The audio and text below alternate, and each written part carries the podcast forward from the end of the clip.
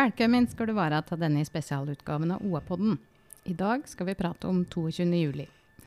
Om det som skjedde, om hva det har gjort med livet til eh, en av dem som overlevde.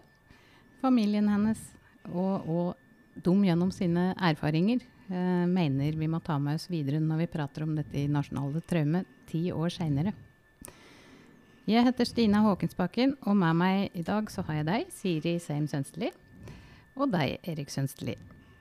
Du er jo ansvarlig redaktør her uh, i OA, men i dag er du her som gjest. Det er jeg. For i denne sammenhengen så er du far. Og pårørende, forfatter og kommentator. For du, Siri, du var på sommerleir på Utøya 22.07.2011. I dag så er du master, uh, to ganger faktisk, i uh, sikkerhetspolitikk, innovasjon, teknologi og kunnskap. Du er, har holdt foredrag, og du er Hedda-prisvinner. Ja, det stemmer. Blant annet. Men du jobber som journalist og frontsjef i Gudbrandsdølen Dagningen. Ja. Eh, jeg tror at vi, vi, må begynne på Utøya. Eh, du var på din aller første sommerleir. Det stemmer, det var jeg. Eh, jeg hadde egentlig blitt med bare noen måneder i forveien, fordi jeg lette etter noen ungdommer som også var engasjert i samfunnet. Eh, og det fant jeg i et lokallag i Lillestrøm, for jeg er opprinnelig derfra. Eh, og så dro jeg på Utøya. Eh, og det var jo som sommerleirer flest, det. Med sol, bading, fotball og ungdomssprell. Og en dose politikk. Inntil den fredagen, da. 22. juli. Eh, og for min del så starter det jo med at vi får beskjed om bomben i regjeringskvartalet. Um, og blir informert om det. Uh, og jeg ble jo egentlig umiddelbart redd, for den gang som jobba pappa uh, i uh, Oslo, i Skipsted. og jeg visste at han skulle inn dit, så jeg ble jo redd for om noen av mine da, var ramma av den. og Skipsted ligger jo like ved regjeringskvartalet, så sannsynligheten var jo på en måte der. Men da det ble kartlagt, så var jeg jo på en måte slo jeg meg til ro med at jeg var jo i hvert fall ikke i Oslo, da. Eh, og så går det en liten stund, og så hører jeg de første skuddene. Eh, og da er jeg i kafébygget på Utøya. Og så bryter det på en måte ut panikk, da, sånn jeg eh, husker det. Og folk løper inn i kafébygget. Og jeg tar da et valg om å løpe inn i kafeteriaen. Og løper ut døra sammen med veldig, veldig mange andre. og tar da og løper ned en skrent i retning pumpehuset. Eh, men jeg tar ikke vei ned til pumpehuset. Jeg fortsetter eh, på kjærlighetsstien eh, til det som eh, vi har lært å kjenne på kart i, i, media de siste årene, som vestspissen på Utøya. Og jeg var jo som sagt på min første sommerleir, så jeg hadde jo ingen oversikt over verken hvor jeg var, eh, hvor det var lurt å gjemme seg. Eh, så jeg måtte rett og slett se på andre eh, og herme. Eh, og der er det noen som tar tak i noen trær eh, og brekker dem over. Og så bruker vi det til å fire oss ned til vannkanten. Eh, og der blir vi stående. og der ja, der må vi vente. Vi vet jo ikke hva som skjer, egentlig. Um, og det er også der eh, mange, eh, og meg selv inkludert, eh, sender melding hjem. Eh, egentlig som et farvel, eh, tror jeg. Jeg skrev vel ikke det direkte, eh, men jeg tror det lå, lå, ganske klart i meldingen om at dette var ikke, dette var ikke en melding om at hei, jeg kommer hjem i morgen. Eh, og så ble jeg stående der da, til, eh, til, det skjer noe ved pumpehuset, for det blir plutselig panikk, og folk løper i vannet. Eh, eh, og jeg vurderer å svømme, eh, men jeg har på meg, eh, som ungdommer flest, hettegenser og trang jeans. det er helt vått. det blir tungt. og jeg skjønner raskt at hvis jeg skal dø den dagen, så er ikke det for, fordi jeg drukna. det er fordi jeg blir skutt. Eh, og så snur jeg og finner et gjemmested litt lenger ja, noen meter lenger bort langs vannkanten. Eh, hvor jeg rett og slett klemmer meg inn til en fjellvegg og venter Eh, og det tok ikke mange minuttene før Breivik kom dit. Eh, og da regner skuddene. Eh, det smeller rundt oss. Og det er altså så nært at jeg i en alder av 20 år gjør, meg rett og slett klar til å dø, da. Eh, men han treffer ikke meg. Eh, eh, så jeg overlever. og blir sittende på det stedet til båtfolket, da kommer og henter oss og frakter oss over til landsida. Eh, og videre til Sundvolden hotell, da. Mm. Og du hadde ikke vært på Utøya før, så dette er tilfeldig på en måte når du flyr? At du ikke flyr ned til pumpehuset f.eks.? Ja, det er helt tilfeldig, og jeg vet ikke hva som gjorde at jeg tok valget med å fly til venstre. Eh, antageligvis var det fordi jeg fulgte menneskestrømmen. Eh, eh, og kjærlighetsstien er en sti. Eh, det kan godt være at det var naturlig å bare følge stien, akkurat som en løpetur i skogen, på en måte. Eh, samtidig som man ikke ante hva man gjorde. Så alt den dagen handla jo om tilfeldigheter og flaks og valg man kanskje ikke, i hvert fall ikke jeg, var så bevisst på. Mm. Og du Erik, du fikk uh, melding på telefon. Ja, jeg fikk melding på Da var jeg på vei inn til VG, hvor jeg hadde mange venner av meg, og jeg hadde blitt bedt om å hjelpe til. Fordi da hadde eksplosjonen skjedd i regjeringskvartalet, og det var få på jobb, og mange sommervikarer. Så jeg skulle trå til. Men på vei inn så ringer Siri og forteller at uh, det skytes. Og uh, egentlig har jeg tenkt mye på at hun ringer for å be om hjelp. Og så kan ikke jeg hjelpe, for jeg tror det er tøys. Jeg tror det er noen som har skutt med fyrverkeri, eller en dum guttespøk. Eh, er vel det ordet jeg bruker. Um, og så kaster hun bare på, for hun skjønner at hun kan ikke få hjelp av pappaen sin. Hun må klare seg selv. Så også neste gang vi snakker sammen, da er hun nede i vannkanten, og da hører jeg jo skrik, rop, skrål, og forstår at dette er alt annet enn en dårlig spøk på en tragisk dag. Hun kaster på igjen, og eh, jeg ringer opp igjen til jeg plutselig skjønner at det er livsfarlig. I tilfelle, i tilfelle han drapsmannen, eh, eller drapsmennene, som jeg da tror det er, hører telefonen min da. Så da hører ikke jeg noe mer. Da er det dødt de neste timene. Og jeg varsler bare VG om at jeg kommer ikke på jobb, at jeg må bare forte meg av gårde til Utøya. Fordi jeg tror det foregår noe der. Og da, eh, da har også de fått rapporter om, om, at det skjer ting på Utøya. da. Mm.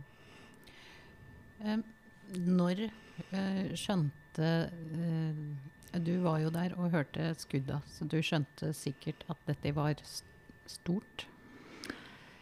Ja, jeg skjønte jeg skjønte, jo, jeg skjønte jo først ikke hva som foregikk, annet enn at det, det var åpenbart alvorlig.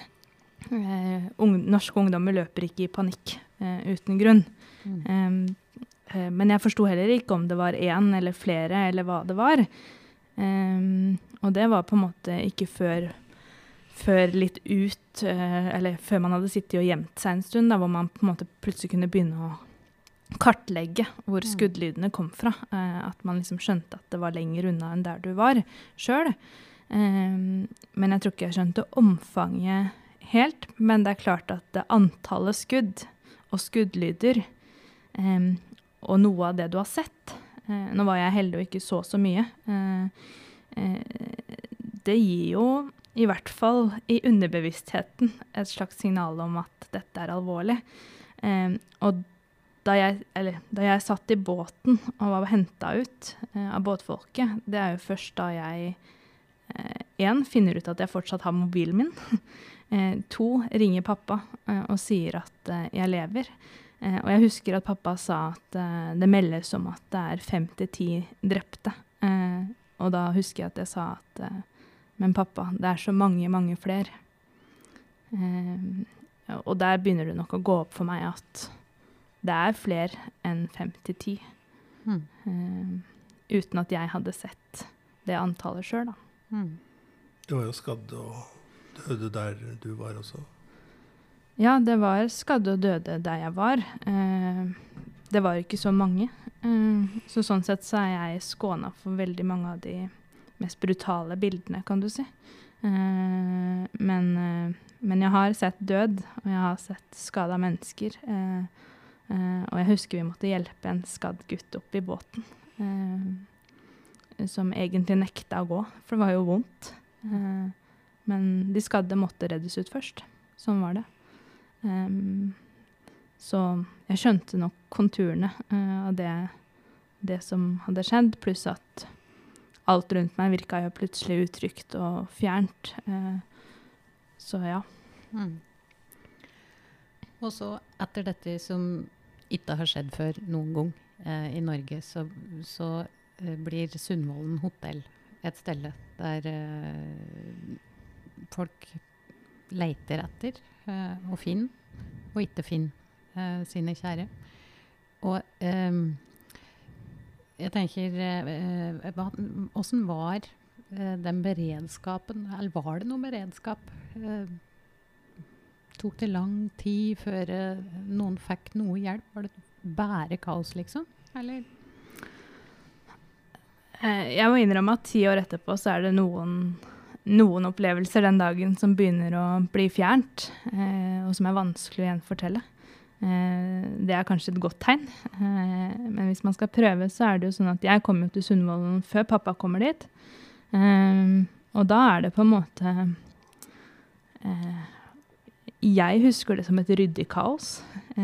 fordi at det er først og fremst overlevende som kommer. Det er helsepersonell på plass. Det er hotellansatte som bistår etter beste evne. Og det, opp, altså det rigges til et registreringssystem. Eh, og plutselig så kommer det lass med klær eh, som vi kan få. Eh, eh, eh og samtidig så på en måte legges det til en struktur hvor man på en måte er overlevende et sted og, og etterlatte når de kommer, da. Eller de som på en måte fortsatt venter på svar fra sine, eh, et sted. Og så, og så er jo politiet i beredskap der. Eh, og når pappa kommer utpå natta en gang, eh, jeg tror det er etter eh, halv tolv og tolv, så, så, er det vel første gang jeg forstår at det er, er fagpersonell, på, altså psykologer, helse, på plass. jeg var ikke bevisst på det. det var, jeg hadde mer enn nok med å bare sitte helt stille. Eh, men da ble jeg beordra av eh, pappa, med mamma rådførende på telefon, at eh, jeg skulle prate med psykolog. Jeg nekta som en liten fireåring. Det var utrolig godt å komme til Sundvolden. Fordi da hadde det vært timer med kaos, fullstendig frykt, og et Norge som på mange måter gikk litt i fillebiter, for meg iallfall. Fordi eh, fra den bomben går av, eh, eh, så er det kaos. Eh, eh, og for meg en ellevill kjøretur til, eh, til å, glemmer, Hva heter det, det andre pårørendesenteret? Solihøgda. Hvor, hvor, det prøves å, å, etableres der og da. Og jeg er den første som kommer dit. Og da er det kaos. Vi er mange, mange foreldre. du kjenner det i hele rommet, hvordan mammaer og pappaer er livredde for barna sine. Det er en helt spesiell Og ingen har, ingen har oversikt. Uh, uh, og de timene som ikke jeg vet hvordan det har gått med, med Siri, da, og jeg bare hører noen får uh, jubler i lettelse, fordi da har de fått livstegn, mens andre sitter og gråter, og noen går, gjør som meg og bare kjenner liksom synker lenger og lenger ned. Uh, at dette er ikke I dag er det det dårlige loddet. til jeg får den telefonen. Jeg lever, pappa. Eh, så er alt kaos. Og det øyeblikket jeg går inn på Sundvolden, kommet forbi alle, alle sjekkpostene, som er et, også et Norge jeg ikke kjenner igjen, med, for, med politi og ransakelse og alt mulig, så kommer jeg inn der. Der er det orden. Der er det dugnadsånd. Uh, og det er uh, og det er ikke sant, at folk uh, Meld deg der, si fra navnet ditt, hvor er datt, ja, så, sånn og sånn. Og vi møtes etter hvert, da. Så i det øyeblikket jeg kommer til Sundvolden, så er eh, Norge liksom tilbake igjen for meg. Uh, det er en helt, det er en helt vill, vill natt. Både med, uh, med dette med møtet med psykologen. Vi får et rom. Og en psykolog som er helt avgjørende for oss, hvor, hvor, vi beveger oss videre etter den natta. Selv om vi ikke skjønner det da. Og så er det en del av hotellet som det er vondt å være i. som vi etter på mange måter kaller dødens rom, hvor alle mammaene og pappaene som ikke har fått tilbake sine, ær. Eh, og som eh, Ja, det er det tunge rommet som du hadde vondt for, da.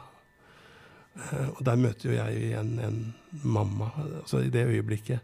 Det er et syn for meg, aldri, eller en ting jeg aldri glemmer. Og det er idet telefonen ringer, og Siri sier 'Jeg lever, pappa', så er vi to stykker som griper etter telefonen med den samme ringelyden. Det ene er en mamma, og den andre er meg. Og det var min telefon som, som var den rette, da. Eh, jeg kjente ikke med henne Aldri sett henne før. Og bare etterpå, når jeg har lagt på med Siri, så klemmer vi hverandre hardt. Det er akkurat som ja, så, så, altså, Du kjenner ikke, men vi er nordmenn. Og mennesker, da. Mm. Uh, og da er det da, Jeg bare klemmer henne hardt, som, jeg, som hun skulle vært en del av min familie. Og så sier at dette, den telefonen får du også. Men, men, ved det rommet den dagen etterpå, så, så, tror jeg at hun har fått det tilbake. Da. Så jeg liksom, ta, og hvordan gikk det med dattera di? Og så ser jeg bare inn i de øynene, og så forstår jeg bare at den telefonen fikk du aldri. Det, er, eh, det kunne vært meg. Det kunne vært helt omvendt. For som Siri sa, det var bare tilfeldigheter. Mm. Og så øh, Dette kunne vi prate mye om, selvfølgelig. Men så reiser dere hjem igjen et, etter øh, tidenes traume. Um, kan de beskrive litt Åssen starta de på neste dagen eller neste uka? Åssen kom de videre derfra, liksom? Nei, altså vi er jo en kjernefamilie på fire, da. Eh, som alle har eh, hadde, eh, og fortsatt har egentlig, forskjellige reaksjoner knytta til, til, det som skjedde. Eh, men først og fremst så var det jo å møte mamma og, og søstera mi, da. Eh, og så starter jo livet, på en måte. Eh, men jeg personlig, og jeg kan jo egentlig bare snakke for meg, for de andre har jo sine opplevelser, det er jo på en måte at ingenting er som det en gang var. Eh, det er utrygt i eget hjem. Eh, jeg er 20 år, men må dusje med døra åpen. Jeg må sove med lyset på. Ikke at det gjør det altså, Tenker man på det nå, så gjør ikke det det noe mer trygt. På ingen måte. Du er mer synlig. Jeg turte knapt å gå på butikken. Eh, og det er klart at da, da, lurer man jo på om hvordan man skal leve videre. Når helt sånne banale ting eh, som å være hjemme mm. ikke funker. Men jeg tror jo på en måte at uten at, altså Dette kan vi snakke mye om, men uten å gå for mye på det, så tror jeg det handler om at vi i familien turte å snakke sammen og dele. At vi satte krav til hverandre om at man måtte prøve å ta tilbake hverdagslige ting. Eh, og rett og slett kommunisere, da. Eh, og så er det noe med det der å på en måte utsette seg for ting man egentlig ikke har lyst til. Eh, men samtidig erkjenne at det er ikke alt man kan gjøre lenger. Altså sånn Hvis jeg måtte være hjemme og ikke dra på kino med venner, selv om det var en hyggelig gest, så var det noe jeg måtte gjøre for meg. Men, men jeg tror, tror man på en måte ja, man måtte bare begynne med, begynne med små skritt, da, eh, rett og slett. Eh, og prøve å bane seg en vei. Eh, og så er det klart at eh, det var viktig for vår del, eller i hvert fall for min del, å komme i kontakt med psykolog eh, i starten. Eh, heller ikke det forsto jeg, fordi jeg tenkte at hva skal en fremmed person hjelpe meg med? Uansett hvilken fagkunnskap du har.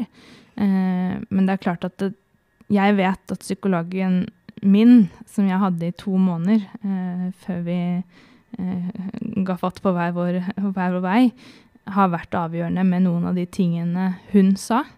Eh, det er blant annet at eh, hun beskrev traume som et minefelt, eller som et sånn gammelt eh, Mindswiper-spill på Windows 98. Eh, eh, at eh, du kan treffe ti grønne dager, eh, og så kan du treffe eh, en bombe i gåsetegn, hvor på en måte alt svartner og alt er dårlig. og så kan du flyte litt igjen, og til slutt så kommer du over på andre sida, men da venter det kanskje et nytt spillebrett. Eh, og det gjorde jo at eh, jeg aksepterte at det vil være dårlige dager, men jeg vil også kunne ha gode dager igjen. Eh, selv om det har tatt lang tid. Eh, og så var det noe med det at psykologen sa at marerittene jeg hadde, de var ikke unormale. Eh, og det er vanskelig å akseptere, for man har jo ikke lyst til å ha mareritt. Eh, man har ikke lyst til å gjenoppleve traume hvor utfallet er død og ikke overlevelse. Eh, men i det øyeblikket psykologen sa at marerittene er underbevissthetens eh, måte å håndtere traume på for at du skal kunne fungere i dagslys eh, blant folk eh, så normalt som mulig, eh, så ble det sånn at jeg det er lett å si nå, ble takknemlig for marerittene, på en måte. Eh, jeg likte dem ikke, så det høres feil ut å si takknemlig, men jeg tror jo at det at jeg turte å ha dem, eh, og ha våkenetter, da, har bidratt til at jeg i dag kan sitte og snakke relativt normalt om det som skjedde. Mm. Jeg tror at Hvis du opplever noe veldig sånn traumatisk som vi ja, Dette var et nasjonal stor katastrofe, og det fins jo noen av dem, heldigvis ikke så veldig mange. Men det er jo noen som enten vi mister noen dramatisk, eller på annen måte så er det jo traumatiske opplevelser. Det tror jeg liksom for oss var litt avgjørende, som vi ikke skjønte med en gang. Men en psykolog også fortalte oss etterpå var at uh, vi er forskjellige, og vi er forskjellige steder i livet. Og vi har noen måter å reagere på når vi utsetter for kriser. Så, uh, så derfor så var det akseptabelt når vi forsto at vi at når du har opplevd noe, noe, fælt, så skal du kanskje liksom, som familie si at uh, vi er kjempeglade i hverandre. Vi skal aldri være uenige mer, og vi elsker hverandre, liksom. Uh, men sånn er ikke virkeligheten, fordi vi er forskjellige, så vi reagerer på forskjellige måter. Så vi hadde mange, uh, ja, mange sånn issues, eller ting hvor vi på en måte dunka litt borti hverandre, fordi vi var i reaksjon, ulike former for reaksjoner. Men det ble, det ble jo på en måte til å akseptere etter hvert når du forsto at det var en, en, en, del av det. At, uh, at, vi gikk i forskjellig modus. At uh, av og til så kunne Siri istedenfor 20 for, for meg fortone seg som 14 fordi hun hadde sine reaksjoner. Jeg skulle ut og dele uh, alt, mens kona mi ville, var en annen type. hun ville liksom løpe i skogen og, og, og eh, ikke snakke så mye om det. Og alt er like naturlig og like rett. Er, dette har jo psykologene funnet ut, at vi, er, vi går inn i, ja, fire-fem ulike sånne reaksjonsmønstre, og alle er like rett. Men dette er det jo eh, forsket på, åssen eh, det har gått med overlevende i, i åra seinere. For nå er det jo faktisk ti år sia. Og det har ikke gått like bra med, med alle. Eh, vil du beskrive oppfølginga du har fått, Siri? Har det liksom opp til deg hva, hva, du trenger, eller er det noen som har holdt et øye med deg? Nei, altså som jeg har vært eh, eller sagt, da, så hadde jo jeg psykologoppfølging to ganger i uka i to måneder. Eh, før jeg flytta til England. Eh, og det valget med å flytte til England, det betyr jo at eh, helsehjelpa, eller tiltakene som den norske staten tilbød og, og, lovte, de sa jeg på mange måter fra meg. Eh, og det var jo en runde vi måtte gå med, med meg, men også som familie. Eh, men det å være bevisst på det, så visste jo jeg at nå sto jeg litt på egne bein. Eh, og så var det et sånt behov at jeg ikke følte jeg trengte det. Sannheten er nok at jeg trengte det mer. Eh, og så har det på en måte i ettertid gått opp og ned. Det er jo ting som fortsatt trigger det traumet, selv om jeg kan leve relativt normalt og snakke ganske åpent om det. Eh, men hvor jeg opplever at jeg i hvert fall tenker, uten å ha gjort noe aktivt, eh, tenker at det er en lang vei inn igjen til det hjelpetilbudet.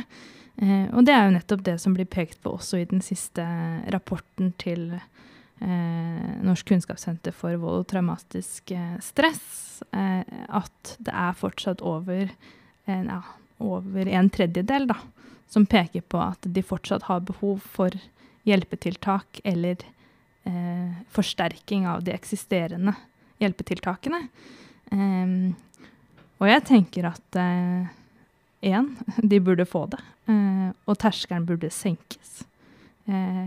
Fordi at det er vanskelig å be om hjelp. Det tror jeg vi alle kan skjønne. og det er ikke lett, like lett å sette fingeren på det psykiske som, som det fysiske. Eh, verken for oss sjøl som mennesker, men heller ikke for fastlegen nødvendigvis. Eh, og det gjør at det den den veien. Og så er det et viktig poeng til. Eh, jeg var 20, eh, men det var veldig mange yngre enn meg på Utøya.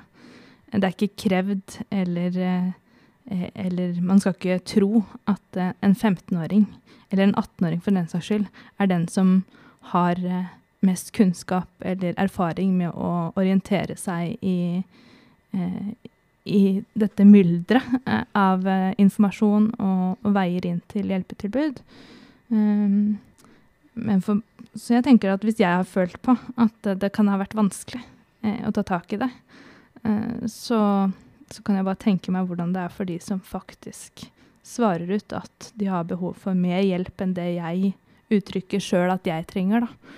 Uh, og det burde det absolutt være. Mm. Men uh, sikkerhetspolitikk uh, i England hadde du søkt der fra før, så du skulle dit, eller var, var det et valg du Nei, altså først uh, altså Masteren i sikkerhetspolitikk den må jo gjerne være en forlengelse av en bachelorgrad. Uh, så jeg tok først internasjonale relasjoner og menneskerettigheter uh, og fullførte den. og det var planen. at jeg ville studere i England før jeg dro på Utøya i 2011 jeg har alltid vært sjenert på skolen, og kanskje en person som ikke snakker så høyt. Eh, så jeg var usikker på det valget, om jeg turte. Turte jeg snakke engelsk? Eh, eh, jeg skal ikke skryte på meg noen god muntlig engelskkarakter fra norsk skole. Eh, så jeg var usikker. Men jeg bestemte meg helt sikkert da jeg hørte Jonas Gahr Støre eh, i Bakken 21.07., dagen før, fortelle om hvordan livet som utenriksminister var. Eh, da tenkte jeg at dette er jo akkurat det som interesserer meg. Eh, så da skal jeg til England. Eh, det valget ble revurdert mange ganger i dagene etter 22.07. Eh, men, eh, men det gikk. Jeg, jeg dro. Eh, og så ble det til slutt en altså master i sikkerhetspolitikk da, fra UCL i London. Og det kom vel egentlig Jeg skal ikke si at det er grunn av eh, det man opplevde 22.07. Men det vokste fram en interesse for å forstå eh, både sikkerhetspolitiske landskapet, men også terror spesielt, eh, og radikalisering. Så tross for at eksperter hjemme i Norge hadde advart meg mot å gå inn i den tematikken med tanke på det man hadde opplevd, så kjørte jeg fram med det. Og jeg tror det er én fordi jeg har interesse, Eh, men to fordi jeg søkte svar. Eh, jakten på svar og forståelse. Eh, og, og, det ga meg på mange måter, det. Det ga meg en forståelse for at, en terrorist, uansett hvilken form eller farge den kommer i, så er det sånn at og, og, i dette tilfellet, Breivik, så er det et menneske. Det er ikke et monster. Det er ting som fører til det. Eh, og, og, og det var på den internasjonale agendaen, på en måte. Eh, og det ga meg en, kanskje tidligere enn det har blitt sagt offentlig i Norge, en forståelse av at dette er et uh, menneske, ikke minst, men som har faktisk vokst opp på den samme skolen som jeg har hatt tilgang til. Uh, eller det samme skolesystemet, de samme mulighetene. Uh, egentlig de samme forutsetningene, til tross for at vi har forskjellige ressurser og bakgrunn med oss i bagasjen fra familier. og det det ble på en måte viktig for meg, da. I, i den. Men det er veien inn til sikkerhetspolitikk. Ja. Og så har dere skrevet bok. Fortell litt om deg, Erik. Nei, det, det er vel uh, vi, 22. juli så skrev jeg når, jeg, når Siri hadde sagt at hun levde. Eh, eh, og jeg var pappa, men jeg hadde jo kolleger som jeg hadde jobba ellers med, som, eh, som, var der som pressefolk. Så jeg fikk låne en maskin, så skrev jeg Jeg skjønte plutselig at den opplevelsen som, på, som mamma og pappa da, var stor. Jeg kunne ikke av personvernhensyn liksom involvere andre, men jeg kunne bruke min historie som, til å formidle noe på vegne av oss alle, egentlig. Den historien ble veldig lest. Jeg sto i VG eh, på kvelden. da, og dagen etterpå så skrev jeg en ny kommentar dagen etter. Og så skrev Siri eh, eh sin historie i VG, og da fikk vi henvendelser fra bokforlag etter det. Da, da ble det jo noen TV-intervjuer og alt sånt noe. Eh, og du er jo journalist, da. Jeg syns det var veldig, nesten litt, litt vanskelig, liksom. Eh, fordi du, eh, du, du var pappa. Og du var, du var jo det, også, men, men, i deg så hadde du også dette formidlingsbehovet. Så vi skrev en bok sammen. og Det ble den første boka som kom, som på en måte var en, en beretning fra, fra, og et vitnesbyrd. Så den kom jo høsten 2011. Eh, eh, og det var jo en vanskelig bok å skrive, for vi var jo veldig prega begge deler. Men fikk god hjelp av, av for så vidt også av forlaget. Så, og sånn sett så Det er ingen dyp bok som gir alle forklaringene på høyreekstremismen eh, i Norge, men det er, det er et, det er et vitnesbyrd om hvordan det opplevde å være et helt vanlig menneske i noe forferdelig stort og fælt som skjedde. Og sånn sett så mener jeg sjøl at boka på en måte har sin verdi også ti år etterpå. da. så ja, det er vel det å si om den. Mm. Men den har jo prega oss altså boka, eller Jeg har hatt et formidlingsbehov, for jeg fikk tilbake datteren min. Og i den boka så møter jeg mammaer og pappaer som ikke fikk igjen, som jeg kjente nært slektskap til, liksom, og fortalte om hvordan de lette etter, etter sin sønn da, eh, i gangene på Sundvolden. Mens jeg lette de samme gangene og fant min datter.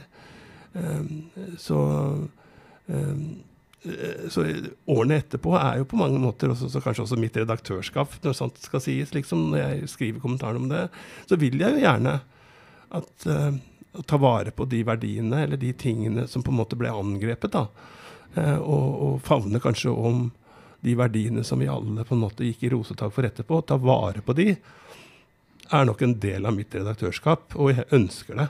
At, uh, at det skal være en del som jeg bærer med meg. da. Mm. For, for dekk uh, er jo på en måte berørt uh, personlig, men så er det jo også et nasjonalt traume. Uh, hva tenker dere om tida som har gått? Hvordan har Norge evaluert, for å si det enkelt? Eller har vi gjort nok?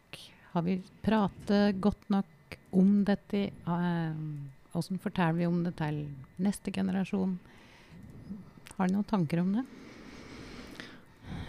Ja, man har jo mange tanker. Og så er det også på en måte det med at det er nasjonalt, så er det jo også vanskelig å si hva vi har gjort, og hva vi har gjort godt nok. Eh, vi har jo hatt runder i dette landet med både først eh, altså 22. juli-kommisjonen, som tok for seg beredskapen. Eh, det har jo av nåværende regjering eh, blitt utvikla handlingsplaner mot radikalisering, eh, hatkriminalitet, altså den, hva skal jeg si, den samfunnsmessige delen av det. Det har jo også blitt inkorporert noe i skoleverket. Eh, og så har man jo alle disse vitnesberetningene av overlevende som forteller. andre som forteller. Alle husker hvor de var den dagen. Og så er det liksom fortsatt en vei å gå. Og så tror jeg på en måte at uansett så tror jeg vi endra oss i den form at vi forsto at det kan skje her også. Det er ikke bare noe som skjer ute i den store verden. Eh, at den na naiviteten på en måte ble litt borte. Eh, men så er det jo spørsmålet om, om hvordan vi forebygger det videre. At det aldri skal skje igjen, som vi også lovet hverandre i dagene mm. etterpå. Jeg syns det er et vanskelig spørsmål om hvor vi står, eh, og jeg tror man på en måte aldri blir helt ferdig snakka. Eh, eh, men det viktigste tror jeg at man ikke er redd for å snakke om det. Eh, og jeg tror altså Enten om det som skjedde, om du lurer på noe eller sånn, men også, også rent politisk. At man på en måte man må tåle å være uenig, men man må også tåle å på en måte ja, ta opp i og forstå da, hvor, hvor disse typer angrepene kommer fra. Mm. Ser vi deg godt nok, eh, Erik, og hvor disse meningene og, og mekanismer kommer ifra? Eh, nei, jeg mener jo, er blant de som mener at eh, vi har hatt en berøringsangst i, i forhold til 22.07. Hva egentlig eh, hva det kom til. Jeg er enig med byråd Raimond Johansen i, i Oslo. At vi At det at han, han var en av oss selv og kom kanskje fra et grums eller et mørke som vi alle egentlig ser. Vi har, og kanskje er i befatning med også at vi kjenner noen som snakker sånn og sånn, enten i selskaper eller på jobben, eller, eh, eller vi har det i, i, i, egne organisasjoner som vi er en del av. Det, all, alt det der som på en måte brøyt med bildet av mønsterstaten Norge, ideal, idealet, enten vi stemte Høyre eller om vi stemte eh, på venstresida av norsk politikk, så på en måte en slags sosialdemokratisk mønsterstat, det har vi ikke ønska helt å ta i. Men jeg tror at det var naturlig. Jeg tror jeg, jeg, jeg var helt riktig av Jens Stoltenberg og hele Norge å gjøre dette til et stort angrep på hele Norge og demokratiet. Og det var det. På rettsstaten vår, på de demokratiske strukturene våre, eh, på tilliten ja, På mangfoldet vårt, liksom. Så, så det, det, var riktig da. Også, men jeg mener at det er riktig nå. Så jeg, jeg, tenker at svaret på dette når du spurte om, er liksom at det, ja, eh, vi har gjort som det, vi, har, ja, vi, har, kommet kort, men likevel så er vi kommet langt. Eh, denne undersøkelsen som er gjort om de berørte, som vi nå snakker litt rundt, der er det jo helt unikt den kunnskapen vi har. At norske forskere har fulgt så mange mammaer og pappaer og ungdommer og barn som var ute på Utøya i ti år. Er en utrolig eh, betydning, ikke bare her nasjonalt, men internasjonalt. Det har skjedd masse i forhold til også beredskapen. Selv om vi kjenner litt på er vi tryggere i dag. Jeg er ikke helt sikker, men det har skjedd veldig mye både i politiet, helsevesenet og andre områder. Og det, og det, har skjedd også noe på, på forsvarsverket mot høyreekstremismen eller islamistisk eller terrorisme. Vi har fått et senter ikke sant? Altså, som jobber med, eh, med disse, senter, disse spørsmålene. Ehm, eh, så det, det, har skjedd mye, men likevel er vi så kort. Og det vi trenger å gjøre, er å tørre å ta og snakke om eh, tillit mellom hverandre. Hva er grunnlaget for det polariserte ordskiftet? Eh, det er jo ikke til å akseptere at disse folka, disse 500 menneskene som var ute på Utøya, når de, når de tar til orde og, og, bruker stemmen sin, eh, så blir de svart med, med SMS-er, eh, ting i sosiale medier eh, om at du skulle ha vært dødd. Altså, det er et stykke Norge som vi må faktisk tørre å ta tak i. Eh, og det handler om politikk. Eh, det handler om liksom, våre folkevalgte på stort, og så handler det om, om oss i det daglige. Eh, når vi møter det her på Gjøvik, eller på Raufoss eller på Hadeland, hvor disse strømningene er der. Eh, og jeg tenker at det å på en måte sette standarden i vårt dagligliv, hva vi aksepterer av dette, det er vårt viktigste forsvarsverk da, for, det, for eh, å ta vare på samfunnet vårt. Eh, alle de gode verdiene som folk flest er, er enige om. For dette kan skje eh, hvem som helst, hvor som helst. Fordi Internett, eh, vi, vi pratet om det i stad. Vi så den dokumentaren om Philip Manshaus. For vi sa jo aldri mer, men så skjedde det nesten. Uh, I en mindre skala, rett nok. Men uh, eh, 10.8.2019 i en moské i Bærum så var det en uh, ny norsk ungdom som, som hadde til hensikt å ta livet av mange. Og tok livet av stesøstera si. Men jeg har sett at du har sagt, uh, Siri, at det, det handler ikke bare om systemer. Det handler om åssen vi prater sammen, vi i, i vennekretsen, råd. Uh, ja, jeg tenker jo det, da. For det er lett å tenke Altså, nå har vi vært inne på det som på en måte kan skje strukturelt. Eh, og det må nok skje, men det er ofte litt fjernt fra folk. Det er ikke noe man sjøl har ansvar for. Og så tror jeg det er farlig å på en måte lempe for mye på enkeltpersoner av at man har et ansvar for, eh, for alt. Eh, men jeg tror det handler om at man hele tiden må være årvåken for at, eh, at at sånne som Breivik da, eller Manshaus da åpenbart ikke er ensomme ulver, som vi betegner dem som, fordi holdningene, strømningene, er der.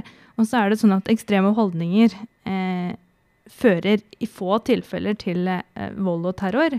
Men det kan skje, og vi har erfart det én gang, men også to ganger i Norge. Eh, og så er det jo sånn at eh, jeg tror på en måte det er naivt å tenke at det er et Oslo-problem eh, i og rundt Oslo. Eh, Utøya er for så vidt et eksempel på det. Utøya er ikke i Oslo. Det er en avsidesliggende øy i, i, Hole kommune. Um, og jeg tenker det at uh, det er mange push-faktorer til at folk får ekstreme holdninger eller finner kompanjonger på nett. eller den digitale verden som jo vi lever i, og som det er vanskeligere å fange opp, for du hører ikke, overhører ikke folk snakke der, sånn som du gjør på bussen eller på en kafé eller over middagsbordet. Uh, og da tenker jeg at når du hører noe, da, så må du tørre å si fra. Jeg syns sjøl er ubehagelig, så det, så det, er eh, stort å si at man skal si fra. Eh, men jeg tror på en måte at det handler om å inkludere folk eh, i lokalsamfunn. For alt vi vil uansett, om det ikke handler om terrorisme eller ekstreme holdninger, så er det å ha trygge, gode lokalsamfunn. Eh, og det tror jeg alle vil, uavhengig av politisk ståsted. Eh, og da, da, har vi alle et ansvar for å lage de lokalsamfunnene våre så trygge som mulig for alle, uansett bakgrunn eller, eller eh, penger i lommeboka. Eh, og, og, jeg pleier å si, eh, fordi at eh, Og det er naivt når du hører det, men, men ofte handler det om å gi folk et smil, for det gir, et, det gir en følelse av å være en del av noe. Eh, og det gir en følelse som på en måte kanskje kan ta noen inn, istedenfor at de går frustrerte på utsiden av alle tjenestene vi har, av uh, alle tilbudene vi har.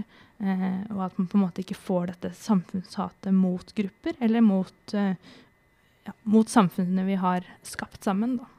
Mm. dette handler jo i bunn og grunn, slik jeg ser det, om utenforskap. Vi snakker mye om alle skal med, og hvem skal med. Altså ta vare på de som Dette handler om det, uh, utenforskap. Det viser all forskning. Og, og Norge har av, noen av verdens beste forskere på dette. Og det har skjedd veldig mye de siste årene. Men det, det, så det kunne om det er, Og forskningen viser jo det. Enten vi snakker om islamistiske terrorister, eller høyreekstreme terrorister, eller andre som begår eh, straff, kriminelle ugjerninger, så er det jo folk som har falt på siden. Så Det er derfor jeg mener det er så viktig hvordan vi tar vare på samfunnet vårt. Eh, eh, fordi dette kunne like godt skjedd med, med noen fra land, fra Hadeland, fra Valdres, fra Gjøvik. Og det, det, har, og det, er jo avdekka eksempler fra folk som er i Nord-Norge, etnisk norske innvandrere. Men felles, det er noen fellesnevnere alle sammen. Um, så det handler om utenforskap. Det handler om uh, Men det handler jo uh, liksom kanskje også om, um, om uh, politikk og ideologi, liksom. Men i bunn tror jeg det er utenforskap. Og akkurat nå Vi hadde jo et intervju i Oppland Arbeiderblad med statsministeren, som jo tok dette på veldig alvor, sa hun. Fordi det som er den store trenden, er jo PST mener at det, at det er en reell fare at veldig mange unge eh, fanger opp, altså er i disse internettkamrene sine, hvor de bygger opp Breivik og andre sånne typer som forbilder. Og, og eh, jeg klarer jo ikke å si dette ordet, akselerasjonisme. Eh, men altså, de ønsker å få samfunnet til å kollapse. Og de kan sitte hvor som helst. Også i dette samfunnet vårt, da, som, som OA eh, feller ned. Og dette kan Siri mye mer enn om meg, men jeg tror at det er, eh, det er jo mammaer, eh, nære slektninger, venner, som er de beste garantistene, eller forebyggerne, eller de som kan vende de som er i ferd med å bli radikalisert. Som igjen underbygger det med et smil, eller bli sett, da, eller å inkludere, eller, eller stoppe folk og si folk også imot igjen når, når de ser, ser, at ting kan gå galt. Mm. Engasjerer du deg i, i store debatten eller i Facebook-debatter eller noe sånt noe? Eller orker du å gå inn i slik? Altså Jeg engasjerer meg ikke så mye i Facebook-kommentarfelt, det må jeg ærlig innrømme. Det har én med rollen min som journalist å gjøre. Eh, og to eh, fordi at eh, jeg tror på dialog. Eh, aller helst ansikt til ansikt. Eh, fordi i kommentarfelt er det lett å tolke hvert eneste punktum, hvert eneste komma, eh, hvert eneste ord, eh, og det blir ofte på en måte ikke ordentlige diskusjoner av det. Eh, og er folk bastante nok, så hjelper ikke hvor god fagkunnskap du bidrar med i debatten. Så jeg deltar nok ikke der. men det betyr ikke at jeg ikke følger med. men det er mest pga. rollen som journalist. Eh, men at det interesserer meg, og hvordan vi på en måte skal håndtere akkurat hvordan vi snakker sammen, og hvordan vi diskuterer, og ikke minst hvordan man fanger opp hva, hva disse strømningene på internett og i ulike sånne skjulte chatteforumer på en måte kan føre til. Eh, det mener jeg er av høyst interesse. Eh, og det tenker jeg det bør være også for foreldre med barn. Nå har ikke jeg barn sjøl, men jeg tenker at det ville jeg fulgt med på. Jeg har i hvert fall holdt meg oppdatert. Eh, og det tror jeg gjelder på en måte alle sånne ting som på en måte barna Altså norske barn kan eh, komme inn på internett, enten det er ekstremisme eller eh, ja, som OA har hatt eh, saker på nå, seksuelle overgrep eh, og den type ting, så er det på en måte det å være tilgjengelig og interessert da, i det barna holder med, på med til enhver tid. Enten de er ti, eller de er eh, oppi altså, tenåring, nesten voksen. Eh, eh, og rett og slett henge med i tiden. Mm. Tenker dere at ti år eh, etter Tenker dere at um, det, vi har lært, eller står en stand der dette ikke kan skje igjen? Eller er vi kommet noe videre, på en måte? Jeg tror det kan skje igjen. Uh, Eh, jeg tror jeg er kommet videre. Jeg tror vi er bedre på noen områder er bedre rusta. Eh, men vi er ikke der at vi Jeg tror vi, har, vi er i et mer polarisert uh, ordskifte. Vi, er, vi, har større motsetninger i samfunnet. Større forskjeller i samfunnet, kanskje, også, vil mange si. Og alt dette tror jeg på en måte kan være med at ting kan, kan hende igjen, da, hvis vi ikke er obs og passer på fellesskapet vårt. Så ta vare på deg rundt deg. Ja. Mm. Mm. Ja. Eh, dette kunne vi prate veldig lenge om. Nå ser jeg vi allerede har pratet ganske lenge om det. Eh, tusen takk, Siri, for at du tok deg tid til å være med her i dag. Og til deg, Erik. Vi skal, uh, skal prate mer om 22. juli vi skal ha en serie podkaster med forskjellige både aktører og uh, stemmer. Det skal vi ha, og vi skal ha noen artikler. Eh, og, vi, og, tekster. Eh, og vi skal ha eh, en seanse. Eh, sammen, ja, en, vi har jo dette en fredag i kvartalet som vi har sammen med Gjøvik olympiske anlegg.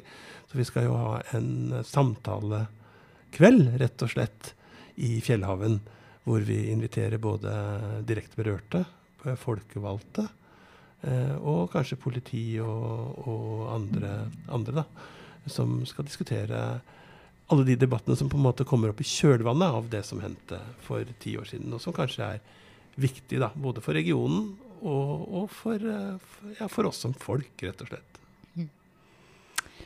Så det er bare å følge med alt, så dette kommer lufta rundt eh, litt ute i juli. Mm. Det gjør det. Da sier vi bare takk for i dag, og takk for følget til dere som har hørt på.